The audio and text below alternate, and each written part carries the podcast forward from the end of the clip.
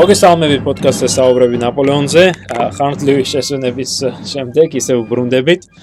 უпростоრად ბრუნდები ნიკა კლავ არ არის ჩვენთან ერთად, მაგრამ ჩვენ ვისაუბრეთ ამაზე და აი ახალ ახალ პოდკასტში ნამდვილად შემოგვიერთდება მით უმეტეს სამხედრო საკითხს განვიხილავთ ნაპოლეონის მარენგოს კამპანიას და ნიკა ნამდვილად აქტიურ მონაწილეობას მიიღებს. დღეს კი მე მინდა ვისაუბრო ნაპოლეონის მიერ ჩამოყალიბებულ აა პოლიციაზე, მართლაც ნაპოლეონის რეჟიმის ერთ-ერთი ძალიან საინტერესო აა ელემენტზე, რომელიც აი სწორედ პოლიციური რეჟიმის შექმნას გულისხმობს. ნაპოლეონის მიერ შექმნილი რეჟიმი იყო ეს მართლაც პოლიციის სახელმწიფო, როგორც ამერიკელებმა ბრიტანელები იტყვიან police state.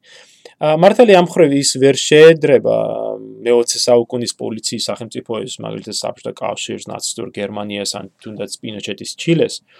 მაგრამ ფაქტია, რომ ნაპოლეონის ძალეუფლების ერთ-ერთ ძირითად დასახრდენ ძალას წარმოადგენდა სახელმწიფო უშიშროების აპარატი. ნაპოლეონის მიერ გარდაქმნილი ეს საპოლიციო სისტემა აფინანსებდა საიდუმლო აგენტების უზარმაზარ ქსელს, აკონტროლებდა საზოგადოებრივ აზრს, ზდევნიდა პოლიტიკურ ოპონენტებს, რომლებსაც ან აპატიმრებდნენ, ან ქვეყნიდან ადევნებდნენ.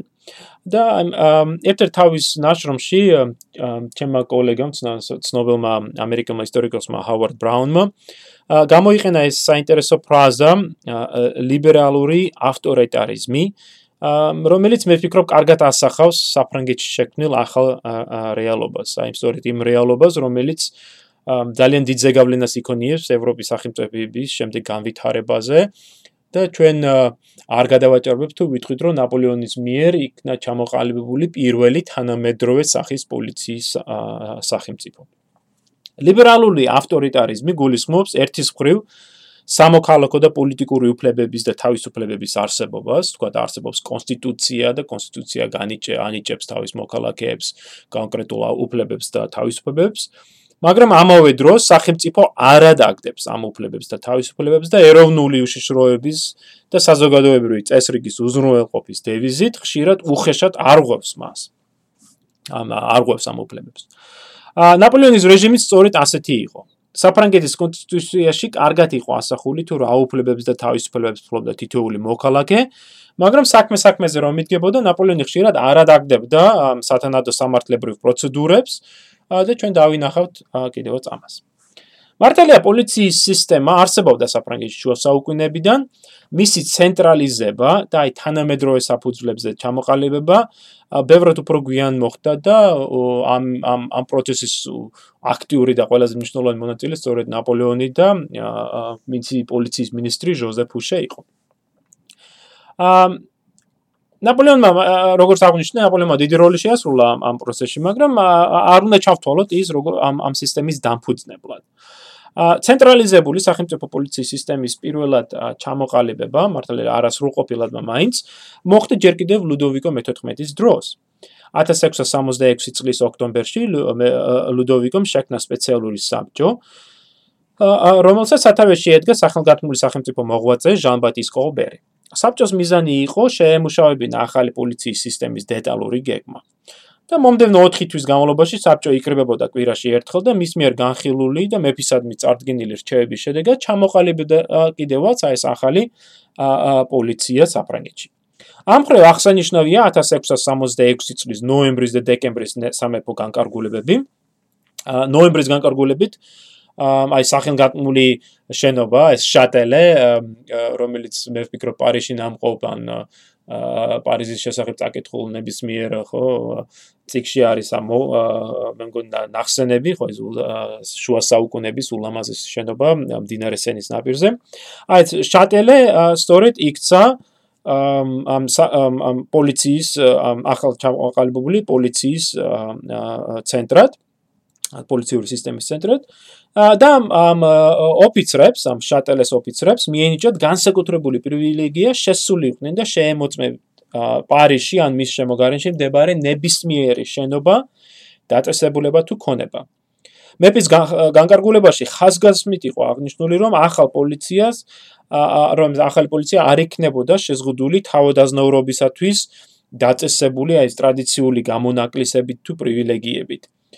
აა დეკემბრის განკარგულებამ, იგივე იმავე წლის, ხო 1666 წლის განკარგულებამ კი დაიწყო იარაღის ტარების უფლების შეზღუდვა, რის შედეგად მცირე ხანში მხოლოდ თავადაზნაურებს და არა მათ მოსამსახურეებს შეეძლოთ იარაღის ტარება. 1667 წლის მარტში ლუიმ კიდევ ერთი ლუდოვიკომ კიდევ ერთი განკარგულება გასცა შექმნილიყო პოლიციის ლეიტენანტის თანამდებობა, რომელსაც დაექვემდებარებოდა პოლიციის მთელი სისტემა. ეს ეს თვითონ წოდება ლეიტენანტი შეიძლება ცოტა ხო ეს არ მინდა რომ მსმენელს აერიოს, აი თანამედროვე ლეიტენანტის წოდებაში ამ საფრანგეთში ამ დროს ლეიტენანტად იგულისხმობდა ეს თანამდებობა, რომელიც საკმაოდ დიდ ძალაუფლებას ანიჭებდა ამ პირს.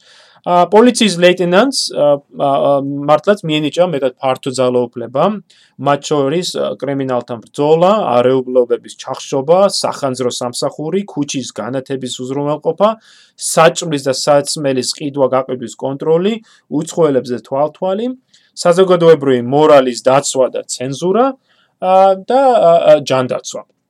ამრიგად აი ეს პოლიციის სამსახური მალე გარდაიქცა ერთ-ერთ ყველაზე გავლენიან და მნიშვნელოვან დაწესებულებად, რომელსაც სათავეში ედგა პარიზის პოლიციის ლეიტენანტი, რომელსაც სულცერე ხანში ეწოდა ლეიტენანტ გენერალი.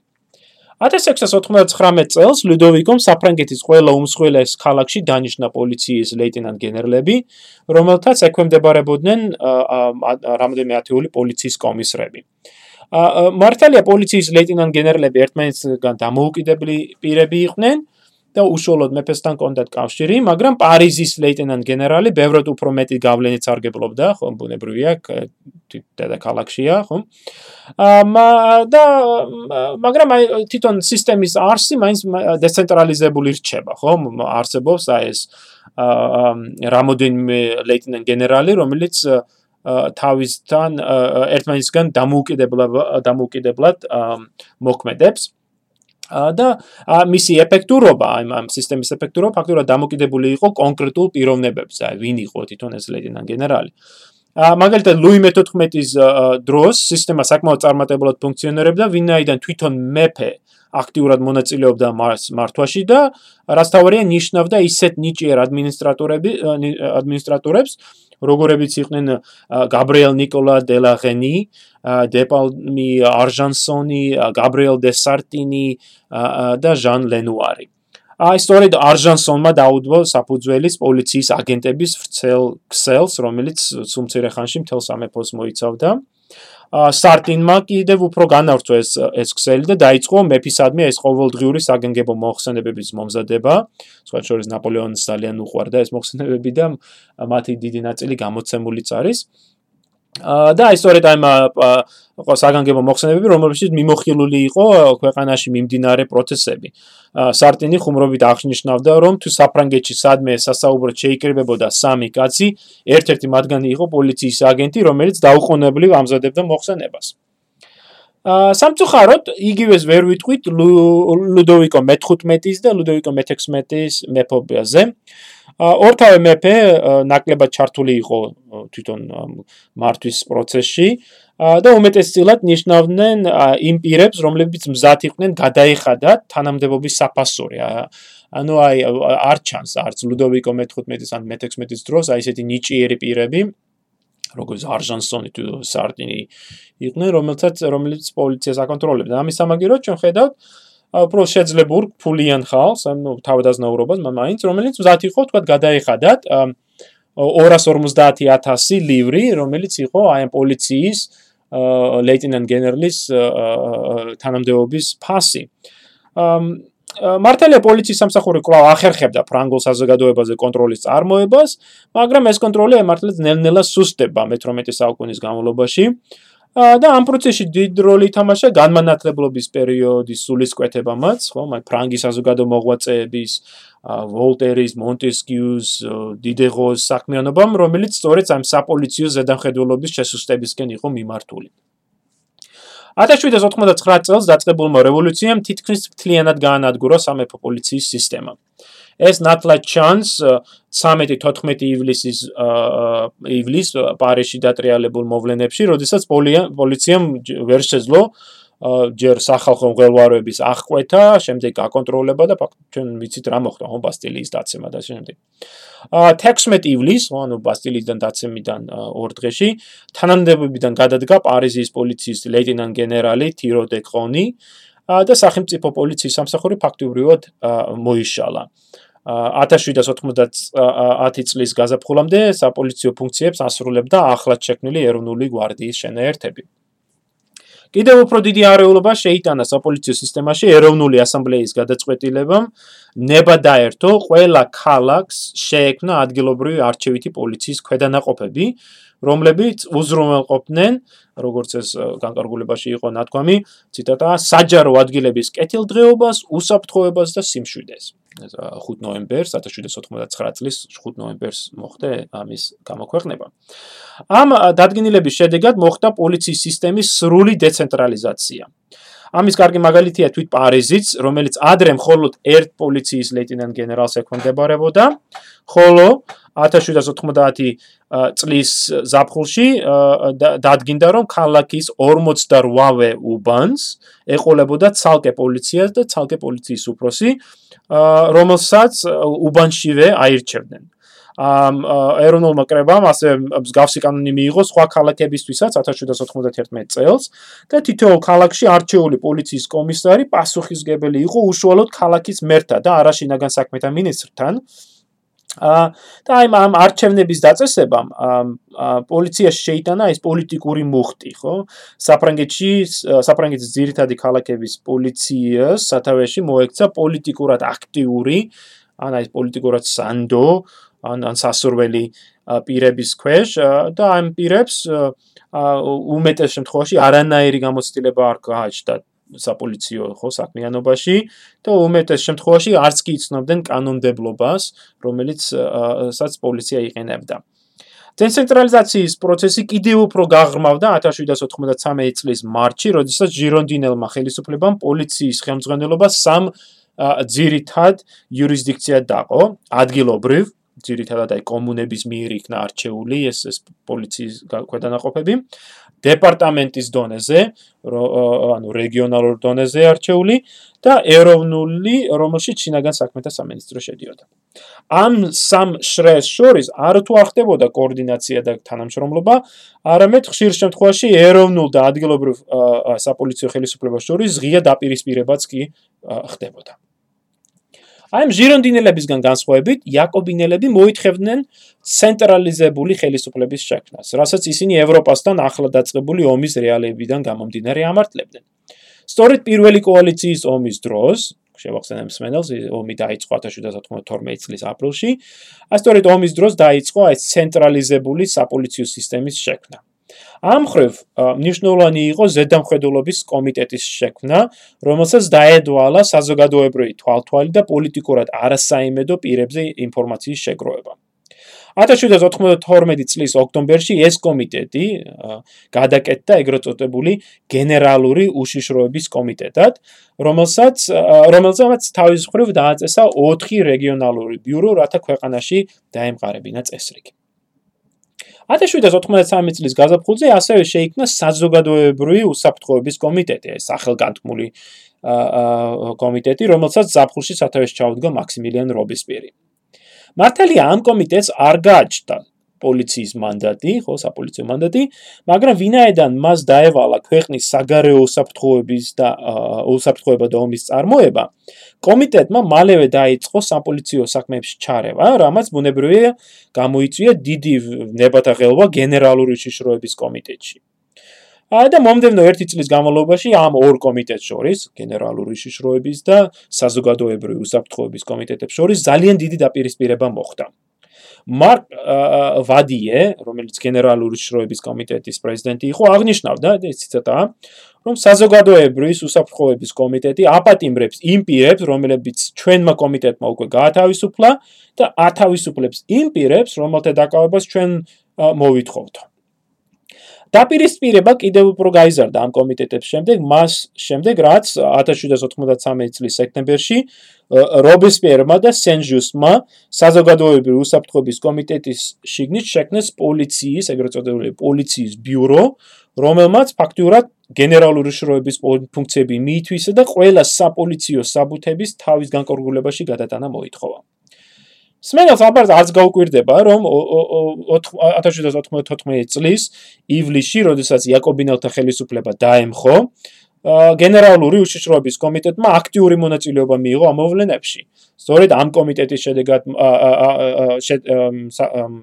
კომიტეტის დახმარებით მოხდა ამ შენაერთების მობილიზება, რომელმაც ხო დააპატიმრა საზოგადოებრივი უსაფრთხოების კომიტეტის წევრები, რობისპიერი, სენჯუსტი და დანარჩენები, ხო, მათ ბრალა დაედო კონტრრევოლუციური ქმედებები და ისინი სიკვდილით დაისაჯნენ. ამის შემდეგ ბუნებრივია ეს პოლიციის ბიურო, რომელიც სენჯუსმა და რობისპიერმა შექმნა, დაუყოვნებლივ გაუქმდა და საპოლიციო ფუნქციები ისევ გენერალური უშიშროების კომიტეტს დაუბრუნდა. ქვეყანაში არსებული ეკონომიკური თუ პოლიტიკური არეულობიდან გამომდინარე, აშკარა იყო, რომ პოლიციის გაძლიერება იყო საჭირო. ამისათვის კი სისტემის ცენტრალიზაცია იყო საჭირო.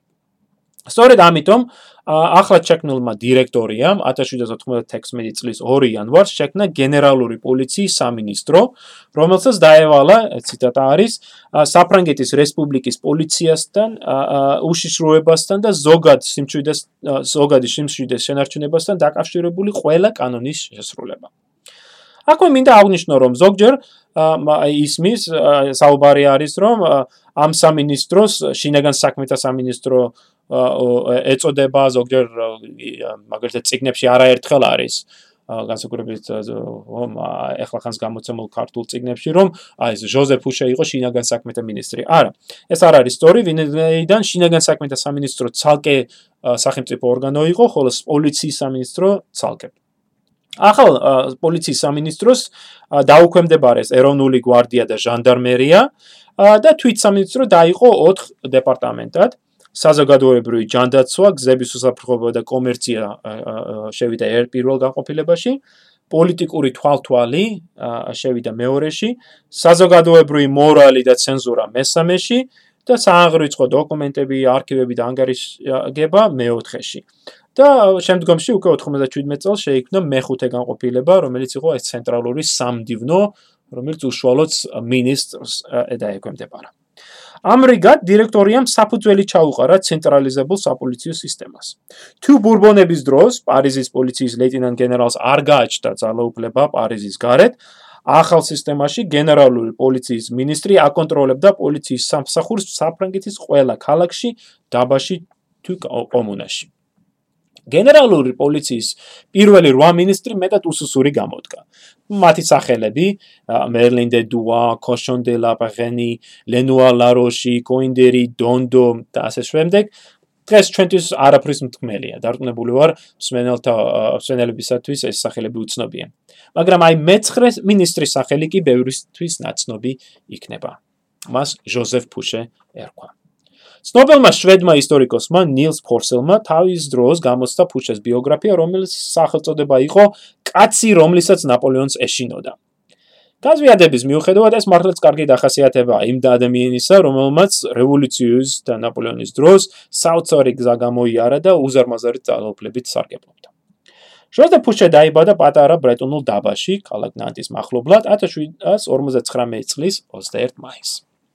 მამამისი, რომელსაც ასევე ჟოზეფი ერქვა, იყო გემის კაპიტანი, ვაჭარი, რომელმაც შეძლო სოლიდური კაპიტალის შეძნა ნანტის מחლობლად სოფელ რუზეროლოში ნაკვეთის გარდა, მას გააჩნდა საკმაოდ კარგი ზომის პლანტაცია სან-დომინგოში, სადაც მონებს ამუშავებდნენ და სარგებელს შეულებდნენ. ფუშე 9 წლის იყო, როდესაც მამამ ქალაქ ნანჩი არსებულ ორატორენელთა სკოლაში გაგზავნა. უფროსი ჟოზეფი აშკარად იმედოვნებდა, რომ შვილი მიიღებდა განათლებას და ოჯახის ბიზნეს ჩაუდგებოდა სათავეში, მაგრამ ბავშვი ფიზიკურად სუსტი გამოდგა და აშკარა იყო, რომ ზღვაოსნობა სამაგის საქმე არ იყო, მართლაც ვერიდან და ეს ზღვაში გასვლას. ამავე დროს თვით ფუშესაც ნაკლებად აინტერესებდა სხვა ოსნობა. სკოლაში ეტანებოდა ლათინურს, გრამატიკას, მათემატიკა, ფიზიკას.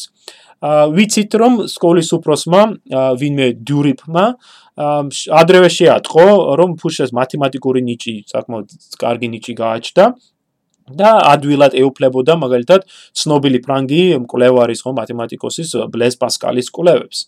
სწორედ დურიპმა უბიძგა ახალგაზრდა ფუშეს გაეღრმავებინა განათლება და აი მოწაუჯახო ბიზნესში მონაწილეობის მაგერად წასულიყო ორატორიანელთა კოლეჯში პარიზში. მე-19 საუკუნის ისტორიკოსების, მაგალითად ადოლფ ტიერის ნაწავლების ზეგავლენე დღემდე ბევრს გონია რომ ფუშეს ფუშე მგდლობას აპირებდა, ან რომ ის მგდელი გაახდა და რომ შემდეგ მგდლობას განუდგავა. მაგრამ ეს არ არის სწორი. უნდა მინდა აღნიშნო, რომ ორეტორიანელები არ წარმოადგენდნენ რელიგიურ საზოგადოებას ან ორდენს, არამედ იყვნენ კათოლიკე მღვდლების და საერო პირების პონტიფიკალურ საზოგადოებას, რომლის წევრობა ნამდვილად არ მოითხოვდა მღვდლობას.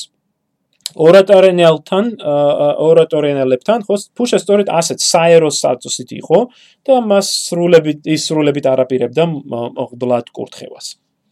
1792 წელს ფუშემ დაასრულა სწავლა ორატორენელთა კოლეჯში და წავიდა პატარა დაბა ნიუ-იორკში არსებულ ორატორენელთა სკოლაში მასწავლებლად სამუშაოდ.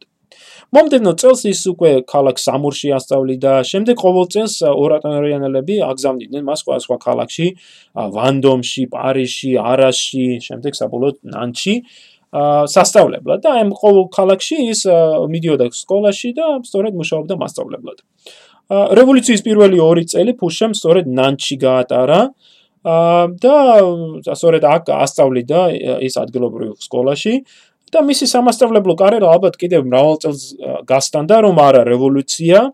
და რომ არა რევოლუციონერთა გადაწყვეტილება 1792 წელს გაეუქმებინათ ორატორიანელთა საზოგადოება რის შედეგად ფუშე ფაქტურად უმოშევარი დარჩა.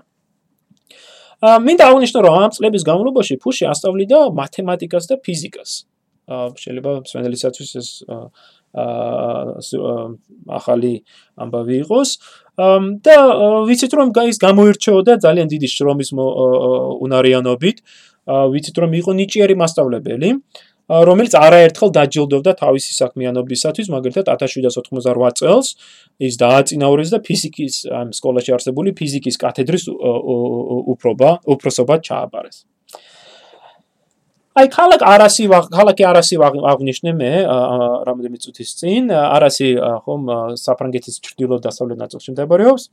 არაში ყოფნისას ფუშემ გაიცნო ადგილობრივი ადვოკატი მაქსიმილიან რობესპიერი. ფუშე, რომელმაც რომელსაც მამის სიკვდილის მერე ოჯახის ქონება დარჩა, საკმაოდ შეძლებული პირი იყო. ვერ ვიტყვით რომ დიდარი, მაგრამ შეძლებული პირი იყო და ცნობილია რომ 1799 წელს, როდესაც რობესპიერი აირჩიეს გენერალურ შტატებში წარმომადგენლად, სწორედ ფუშემ ასესხა მას საჭირო თანხა რა და რობესპიერი ვერსალში ჩასულიყო. ანუ ფაქტობრივად აი რობესპიერის პოლიტიკური კარიერა ფუშეს ხელშეწყობით იწყება. ფუშეს და რობესპიერს შორის კარგი ურთიერთობა იყო თავდაპირველად. შეიძლება ითქვას რომ ისინი მეგობრები იყვნენ. ყოველ შემთხვევაში რობესპიერს არ ქონდა რობესპიერმა არ გაუწია წინააღმდეგობა ფუშესა და რობესპიერ რობესპიერის დას შარლოტას შორის სასიყვარულო რომანის გაბმაში. მაგრამ აი სწორედ აი ამ რომანის შედეგად ჩამოვარდა რობესპიერსა და ფუშეს შორის შუღლი ჩვენ ვიცით რომ ფუშე ერთ მომენტში პირდება შარლოტას, ხო? რობისპირის დას რომ მასზე იქორწინებს რომ ოჯახს შექმნიან და ასე შემდეგ და შემდეგ ღალატოს მას მიდა მიატოვებს კიდევაც და აი აი რობისპიერმა არა არასოდეს აპატია ფუშეს აი დის დის შეურაცხყოფა და სწორედ აი ამ ამ 91-12 წლიდან იწყება მათ შორის აი ეს დაპირისპირება. რევოლუციის დაწყებისთანავე ფუშე აქტიურად ჩაება პოლიტიკურ მოვლენებში. შეუერთდა საზოგადოებას კონსტიტუციის მეგობრები, ხო, ამიგ დე კონსტიტუციონ. ესწრებოდა პოლიტიკურ დებატებს. ამ პერიოდში უკვე ხედავ ფუშეს ჩვენ როგორც აი პოლიტიკურ ინტრიგანს ის ეწევა ორმაგ თამაშს, მაგალითად, ერთის ხრივ ფუშე წერს წერილებს, რომელშიც ხარს უჭერს ეროვნულ კრებაში, კრების მიერ მონობის გაუქმებას და ამავე დროს გვერდში უდგას ნანტის ვაჭრებს, ქალაქ ნანტის ვაჭრებს, რომელთა უმეტესი ნაწილი მონათფლობელობის მომხრე იყო. 92 წლის მიწურულს, როდესაც ფუშე უკვე ეროვნული კონვენტის წევრი იყო და აი მეფის სასამართლოს კენჭის ყრაში მონაწილეობდა ის სწორედ კენჭის ყრის წინ ის დააპირდა თავის კოლეგების ერთ ნაწილს რომ მეფისათვის შეწყალებას დაუჭერდა მხარს და შემდეგ კენჭის ყრის დროს შეიცვალა პოზიცია და ხმამისცა მის სიკვდილით დასჯას.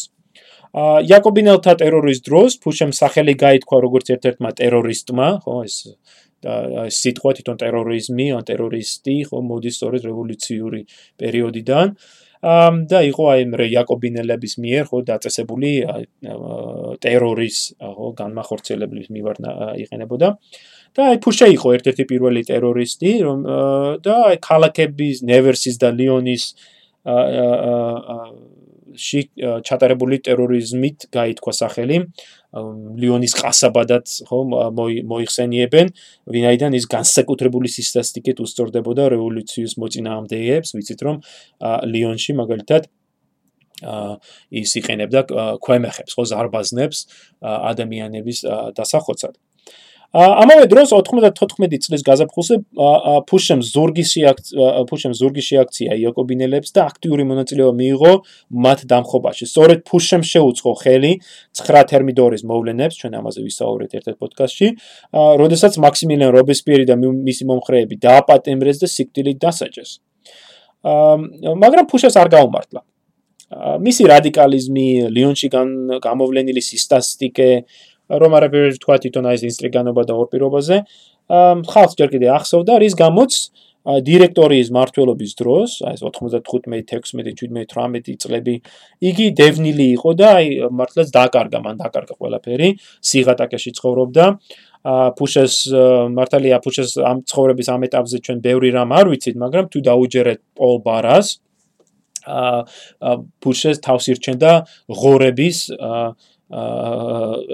გაზრდითა და გაყიდვითო. მაგრამ ისიც უნდა ვთქვათ, რომ აი სწორედ ამ პერიოდში სავარაუდოდ ჩაიყარა საფუძველი ფუშეს კავშირებს კრიმინალურ სამყაროსთან, რომელსაც ხო ის შემდგომში ასე ეფექტურად იყენებდა, სწორედ აი ამ 3-4 წლის განმავლობაში ის და მან გაიცნო ეს კრიმინალური სამყარო და დაუახლოვდა კრიმინალებს და და ასე შემდეგ.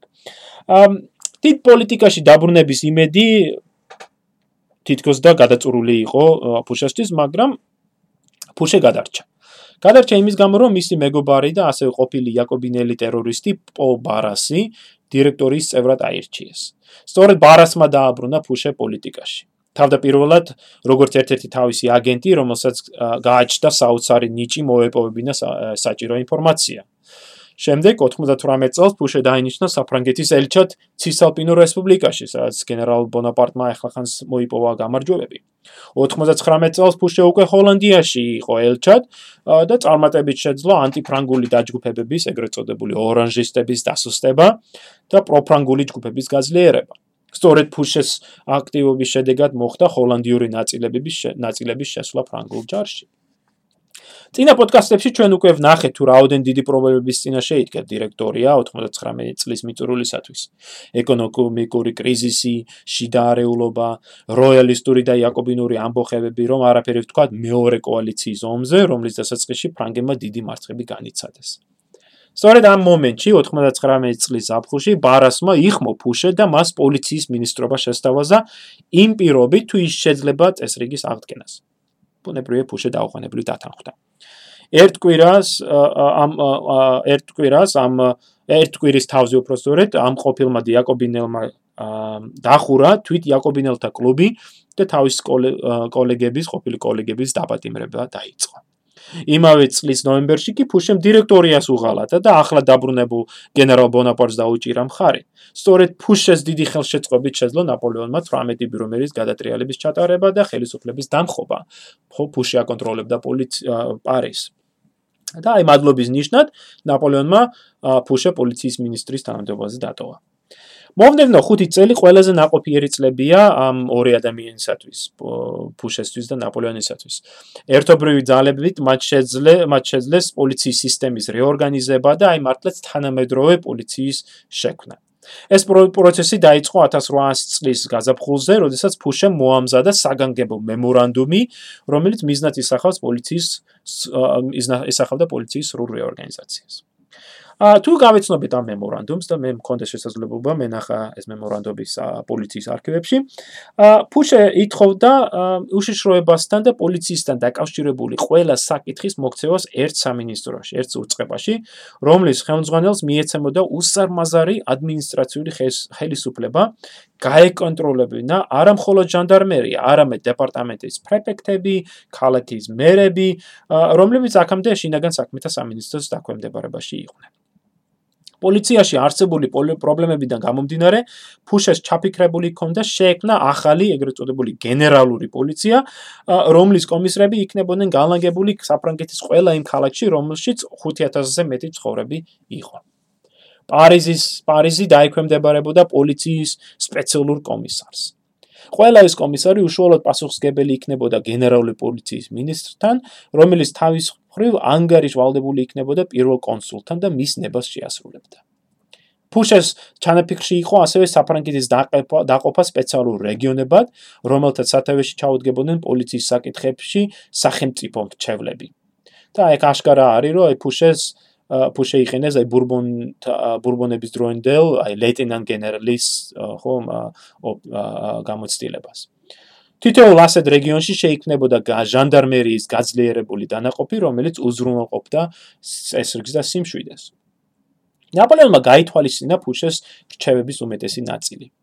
1800 წლის თებერვალში და ოქტომბერში მან გასცა სამი განკარგულება, რის შედეგად მოხდა პოლიციის სტრუქტურების რეორგანიზაცია.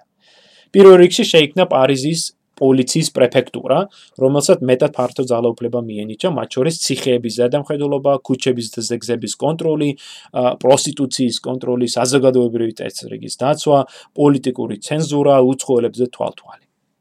ამ პარიზის პრეფექტს ექვემდებარებოდა რამდენიმე ათეული კომისარი, რომლებიც პარიზის ახლად შექმნით 12 უბანს აკონტროლებდნენ. ასე შექმნა 4 საპოლიციო რეგიონი, ზოგჯერ მათ დივიზიონებს უწოდებენ, რომლებთა რომლებიც დაარჩენ საფრანგეთი გაყვეს ამ 4 ნაწილად. ამ 4 რეგიონიდან ყველაზე დიდი იყო პირველი რეგიონი, პირველი დივიზიონი, რომელიც მოიცავდა საფრანგეთის ჩრდილოეთ ნაწილში მდებარე 36 დეპარტამენტს. მეორე რეგიონი მოიცავდა ბელგიის 12 დეპარტამენტს და საფრანგეთის აღმოსავლეთში მდებარე 16 დეპარტამენტს.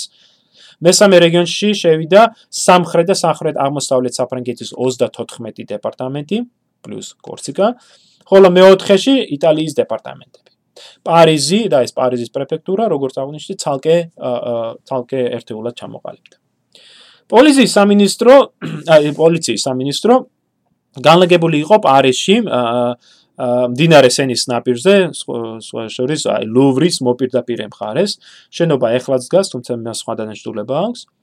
იმპერიის დროს თვითსამინისტრო შტატი საკმაოდ პატარა იყო, დაახლოებით 125 კაცი მუშაობდა ამ სამინისტროში, მაგრამ ის აკონტროლებდა უზარმაზარ საპოლიციო სისტემას, რომელშიც შედიოდა ასობით კომისარი და საიდუმლო აგენტი. ნაპოლეონმა გულოხვა დააფინანსა პოლიციის სამინისტრო და იმპერიის არსებობისას ეს იყო ერთ-ერთი ყველაზე კარგად დაფინანსებული სახელმწიფო უწყება. პოლიციის მინისტრის ხელფასი იყო მაგალითისთვის 140000 ფრანკი წელიწადში, მაშინ როდესაც გენერლის საშუალო ხელფასი 10000 ფრანკი იყო, ხოლო მარშლის 40000-მდე. აი სახელმწიფო მრჩევლები მე რო აღნიშნე, რომელსაც დაევალა აი საპოლიციო პოლიციის დივიზიონების, ამ რეგიონების უფროსობა, აი სახელმწიფო მრჩევლებს საშუალოდ 30 40000 ფრანკის ხელფასი ჰქონდა წელიწადში. რაც საკმაოდ დიდი თანხა იყო ფაქტურად გენერალზე სამჯერ უფრო მეტ ფულს აკეთებდნენ. ხოლო აი რეგიო ადგილობრივ დონეზე პოლიციის კომისრებს საშუალოდ 25-30000 ფრანკის ხელფასი ჰქონდათ. პოლიციის სამინისტროს ხარჯთაღრიცხვას თუ გადავხედავთ, ნახავთ რომ წელიწადში ის დაახლოებით 1 მილიონ ფრანკს ხარჯავდა, მაგრამ ეს მხოლოდ ოფიციალური მონაცემებია, მასში არ შედის აი სააგენტურო ქსელზე დახარჯული ფული. ნაპოლეონმა დაუყენებლივ გამოიყენა ახლად რეფორმირებული საპოლიციო სისტემა საკუთარი ძალაუფლების გასატკიცებლად. პირველ რიგში მან სიტყვის თავისუფლების შეზღუდვა დაიწყო. მას კარგად ესმოდა საზოგადოებრივი აზრის შექმნაში ჟურნალ-გაზეთების მნიშვნელობა და აღნიშნავდა კიდეც, რომ ციტატა პრესას თუ სიტყვის თავისუფლებას დაუტოვებ, ძალაუფლებაში 6 თვეს თუ თუ დავრჩებიო. ამიტომ ხელისუფლებაში მოსვლიდან რამდენიმე თვეში ნაპოლეონმა დაიწყო ჟურნალ-გაზეთების დახურვა. საბრანგეთში ამ დროს 73 ჟურნალ-გაზეთი გამოიცემოდა, მაგრამ 1800 წლის შემოდგომისათვის ნაპოლეონმა მხოლოდ 13 გამოცემა დატოვა. ეგ კი არა, 1811 წლისათვის საფრანგეთში მხოლოდ 4 4 გამოცემა არსებობდა. Le Moniteur, Journal de l'Empire, Gazette de France და Journal de Paris. 4-ვე პოლიციის მკაცრი კონტროლის ქვეშ. ამის შედეგად საფრანგეთში ფაქტობრივად მოისპო სიტყვის თავისუფლება. გაქდა გაქრა პოლიტიკური ჟურნალიზმი. არც ერთი გამოცემა, წიგნი იქნება ეს თუ სტატია არ გამოდიოდა პოლიციის ნებართვის გარეშე. მაგრამ აქ მინდა გაუსვა ხაზი ერთ გარემოებას. ნაპოლეონის მიერ პრეს პრესაზე შექმნილი კონტროლი უნდა იქნას განხილული მე-19 საუკუნის რეალებიდან. პრესის თავისუფლება არსებობდა არც პრუსიაში, არც რუსეთში, არც ავსტრიაში. მართალია ბრიტანეთში არსებობდა ლიბერალური კანონმდებლობა, რომელიც ჟურნალ-გაზეთებს გარკვეულ სიტყვის თავისუფლებას ანიჭებდა, მაგრამ ბრიტანული ხელისუფლება არაერთხელ ზღუდავდა მას. მაგალითად 1795 წელს ხელისუფლება მიიღო კანონი, ინგლისურად არის Treasonable Practices Act, რომლის შედეგად დაიხურა პროფრანგული გამოცემები. ხოლო შემდგომში უკვე ნაპოლეონის შემდეგ 1819 წელს ეგრეთ წოდებული 6 აქტის მეშვეობით ჩახშობილი იქნა მემარცხენე ჟურნალ გაზეთები. ანუ საჭირო არის თქვა აი ნაპოლეონის პრესის ცენზურის თუთა ისტორიულ კონტექსტში მოქცევა. პრესის ცენზურასთან ერთად პოლიცია აქტიურად აკონტროლებდა საზოგადოებრივ აზრსაც. ამისათვის ფუშემ შექმნა საიდუმლო აგენტების ვრცელი ქსელი, რომელიც საფრანგეთის მთელ ტერიტორიას და ყველა სოციალურ ფენას მოიცავდა. საფრანგეთში ყველა სწამდა, რომ პოლიციას ათასობით აგენტი ყავდა. განსაკუთრებით მოსამსახურეებს შორის. მე და ერთი ისტორია მოყვე, საზღვაო მინისტრთან, ადმირალ დეკრესთან ერთ-ერთ სადილის დროს ფუშამ ეს გაკურვებით აღნიშნა თუ რამდენად დიდრული წვეულება იყო და და დეკრეს თურმე დეკრეს ადმირალ დეკრეს უთხრა გაკურვებული ვარ რამდენი მოსამსახურე ყოლიაო და დეკრეს თურმე გაეცინა და პასუხად უთხრა ო ამას ძალიან ადვილად ვაკეთებ ო ვინაიდან ფულის გადახდა არ მიწევს. ხელფას ამ მოსამსახურებს ხო თქვენ უხდითო ანუ აგენტები არიანო ხო? რეალობაში პოლიციის ქსელი ნამდვილად არ იყო იმდენად დიდი, როგორც საზოგადოებას ეგონა. მაგრამ ფუშე იყენებდა ამ წამს და თავის მემუარებში ის აღნიშნავს, ციტატა მე ყველანაირად ვცდილობდი გამევრცელებინა ჭორებდი ჩვენი სააგენტო ქსელის შესახებ. და შემექნა წარმოდგენა, რომ ჩვენ სამსახურში მყოფი აგენტები ყველგან და ყოველთვის უთვალთვალებენ ხალხს. სააგენტო ქსელი მოიცავდა ორი ძირითადი სახის აგენტებს. მუდმივ აგენტებს, რომელთაც პოლიცია უხდიდა ანაზღაურებას და ისეთ აგენტებს, რომელთაც პოლიცია არ უხდიდა ფულს, მაგრამ რომლებიც მაინც აწვდიდნენ ინფორმაციას ხელისუფლების გულის მოსაგებად ან რაიმე სხვა სახის სახის გასამრჯელოს მოსაპოვებლად. პოლიცია იყენებდა ამ აგენტებს 1000 სხვა დავალების გასაკეთებლად. როგორც ლუარის პრეფექტი აღნიშნავს თავის მოხსენებაში, ციტატა: აუცილებელია რომ საიდუმლო პოლიცია და მისი აგენტები იყვნენ ყველგან და განსაკუთრებით დიდ ქალაქებში, სადაც უამრავი მაწანწალა, საეჭვო პირი, ინტრიგანი და ყალთაბანდია. 1804 წელს მაგალითად ტულონის პოლიციამ დაიქირავა საიდუმლო აგენტები ერთი თვით, რათა ტულონსა და დაბა ანტიფშორის სანაპიროსთვის ეთვალთვალათ. 1812 წელს პიუდე დომის ეს ცენტრალურ საფრანგეთია პატარა ქალაქი პიუდე დომის პრეფექტმა გაგზავნა აგენტები რათა გამოიძიონ საიდან ვრცელდება ჭორები და ბოროტი ხმები. ეს ცეტა არის დუფსის ეს უკვე აღმოსავლეთ საფრანგეთში დუფსის პრეფექტი იყენებდა საიდუმლო აგენტებს რათა კონტრაბანდა აღეკვეთა. ხოლო მეურთის პრეფექტის დავალებით საიდუმლო აგენტები ესწრებოდნენ ადგილობრივ შეკრებებს რათა ეს პრეფექტის სიტყვებია მოესმინათ ყველაფერი რაც იქ თქმულა და მოეხსენებინათ ნებისმიერი საეჭვო მოსაზრება და საქციელი. საყოველთაო ცნობილი იყო საფრანგეთში რომ სამიკიტნოებში და კაფეებში ღია საუბარი მეტად საშიში რამ იყო ამას ამის დამადასტურებელი არაერთ საბუთია შენახული პოლიციის სამინისტროს არქივში, სადაც ხდება საიდუმლო აგენტების მოხსენებები ყოველდღიურ საუბრებზე. მაგალითად, 1807 წლის თებერვალ-მარტში ერთი აგენტი ისმენდა საუბრებს პარიზში ფერონერის ქუჩაზე არსებულ სამიკიტნოებში და თავის მოხსენებებში აღნიშნავდა ხოლმე ესეთ რაღაცებს. მაგალითად, აი ერთ-ერთი მოხსენება უწერია. ციტატა: ეს საუბრების უმეტესწილად ტრივიალურ საკითხებზეა, გაისმა რამდენიმე საჩივარი ვაჭრობის დაცემაზე, მაგრამ მე ისეთი არაფერი მომისმინია, რაც ბოროტ განზრახვას წარმოაჩენდა. ანუ აი ესეთ ტრივიალურ რაღაცებსაც კი მოხსენებას ამზადებდნენ. პოლიცია ასევე აიძულებდა სამიკიტნოების და კაფეების ფლობელებს დაებესხა თავის კლიენტები. 1810 წლის ნოემბერში პოლიციის კომისარი ემუქრებოდა პარიზში, აი ბულევარ დე იტალიენ, ამ ბულევარს ბულვარზე მდებარე კაფეების ფლობელებს, რომ მათ კაფეებში ხშირად ისმის და განიხილება ჭორები და ცრუამბებიო და ამიტომ ისინი ვალდებულები არიან მოესმინა და დაებესხათ ის პირები, ვინც საუბრებში იყვნენ ჩართულები, ან წინამდე შემთხვევაში ამ დაწესებულებებს დავხურავთო. საზოგადოებრივ კონტროლში პოლიცია ხშირად იყენებდა ბრალდებას მეამბოხე სულისკვეთების გაღვივება ან გავრცელება. ამ მეამბოხე ფრანგულად CDCU. და ეს განსაკუთრებით გამოიყენებოდა აი ქუჩებში გამოკრული უკანონო აფიშების ავტორების მიმართ ან ხელისუფლების მიმარ გამოთმული კრიტიკული მოსაზრებების, ხო? და ძალიან ისეთი ზოგადი და გაურკვეველი ცნება იყო ეს მეამბოხე სულისკვეთების გაღვივა. მაგალითად 1806 წლის აგვისტოში აა ქალაქ ლიმოში გამოაკრეს აფიშა, ხო, რომელზეც იყო წარწერა ხახნო ახსტეკ ტირანიის წინააღმდეგ ტირანიის დამხობა არ არის დანაშაული. Ну ახ ბუნებრივია ეს ჩაითვალა აი ეს მეამბოხის სულისკვეთების გაღვივებით ან 1813 წლის შემოდგომაზე ნანჩი ქალაქ ნანჩი პოლიცია გამწარებული ეძებდა ესეთი წარწერის ავტორს.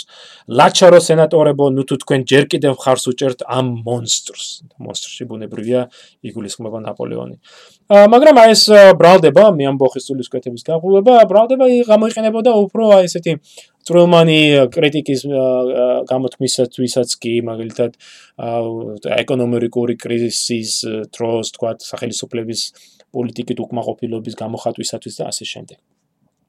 საზოგადოებრივი აზრის კონტროლის ნაწილი იყო განსხვავებული აზრის, ანუ აი დისიდენტების დევნა, დაპატიმრება და გადასახლება. ეს პროცესი ნაპოლეონის ხელისუფლებაში მოსვლისთანავე დაიწყო, მაგრამ განსაკუთრებულად დიდ მასშტაბს მიაღწია 1800 წლის დეკემბრის შემდეგ, როდესაც ნაპოლეონზე განხორციელდა თავდასხმა. ნაპოლეონმა ეს თავდასხმა დააბრალა ჯერ იაკობინელებს მიუხედავად იმისა, რომ ფუშემ მას აჩვენა საკმარისი მტკიცებულება, რომ ეს როიალისტების გადაეთებული იყო. და ჩვენ კიდევ ვისაუბრებთ ამ სენიკაზის ქუჩაზე გამხდარ ტერორისტულ აქტზე.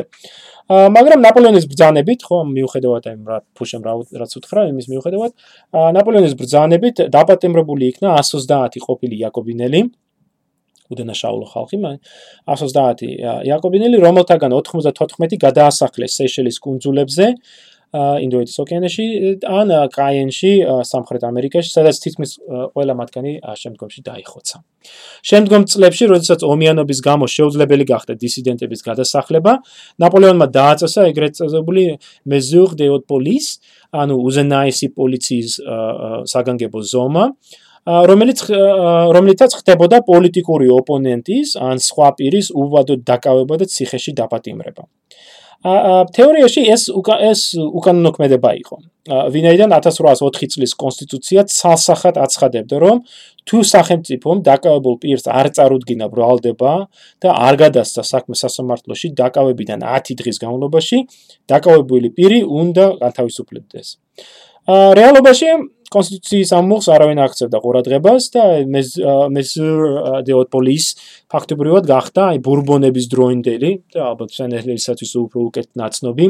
ლეტრე დე კაშეს რეინკარნაცია ანუ ესეთი ზოგადი ზოგადი საბუთი ან საბაბი რომლითაც შეიძლებოდა ნებისმიერი პირის დაკავება უვადოთ და მოთავსება საფრანგეთში შექმნილი ამ 8 ციხეში ერთ-ერთგანში, რომელშიც ეს პატიმარი იქნებოდა მანამ სანამ ხელისუფლება არ შეიცვლიდა აზრს. როდესაც 1808 წელს მაგალითად ფრანსუა მარინმა, რომელიც ხელისუფლებას აკრიტიკებდა, შეიტანა საჩივარი საფრანგეთის სენატთან არსებულ პიროვნების თავისუფლების კომისიაში, საინტერესო კომისია, ალბათ უსაკმოთ იყო ნაპოლეონის დროს, პიროვნების თავისუფლების კომისიაში. და განაცხადა, რომ პოლიცია მის დააპატიმრა და ეს ეს ციტატა არის ყოველგვარი დაკითხვისა და ბრალდების გარეშე რამოდენიმე კვირა აყურყუდა ციხეში. ამ კომის ამ სწორედ ამ მარინის საპასუხოდ ამ საჩივრის საპასუხოდ პოლიციის მინისტრმა მოკლედ აღნიშნა რომ ო ჩვენ ეს პირი უბრალოდ ქურდობაში მონაწილეობაში ეჭვი ქონდა და ამის საბაბით დავაპატიმრეთო და როცა შეგვეცვალა აზრი გამო გავათავისუფლეთ და ეს ეს აი ესეთი დაპატიმრებები ძალიან ხშირად ხდებოდა საფრანგეთში.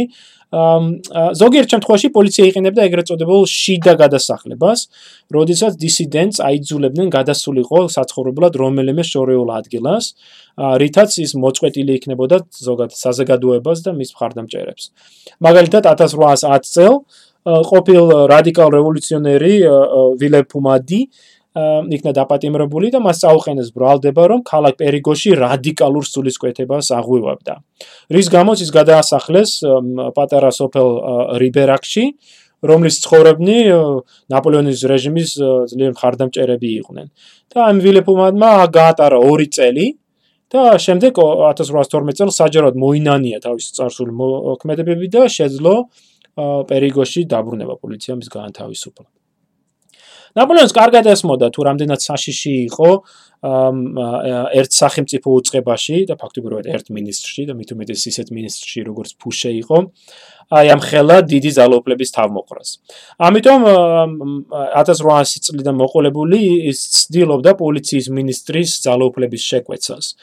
მაგალითად პარიზის პოლიციის პრეფექტურა, რომელიც ფუშას თავდაპირველად სურდა ყოფილიყო მის დაქვემდებარებაში, ფორმალურად დარჩა გენერალური პოლიციის ნაწილად, მაგრამ რეალურად ის გამოეყო მას და უშუალოდ ნაპოლეონს დაექვემდებარა. ანუ მაგალითად ფუშე ვერ აკონტროლებდა პოლიციის პრეფექტს პარიზში. ჟანდარმერია ასევე ცალკე უწყებად გამოეყო და ეს დაახლოებით 20000 კაციანი თავის ძეობაში 20000 კაციანი უწყება, ხო, ეს ჟანდარმერები ადგილობრივ დონეზე პრეფექტებს ემსახურებ დაექვემდებარებთ და პრეფექტი კი უშუალოდ ჩინაგან საქმეთა სამინისტროსთან კონდა კავშირი, ასევე ხო პოლიციის არ კონდა შეხება. გენერალური პოლიციის პარალელურად ნაპოლეონმა ასე შექმნა ახალი კონტრდაზვერვის სამსახური, რომელსაც გენერალური პოლიციის უფლებების და ფუნქციების ნაწილი გადაეცა და ფაქტობრივად ამ ახალ კონტრდაზვერვას დაევალა გენერალურ პოლიციაზე თვალთვალი.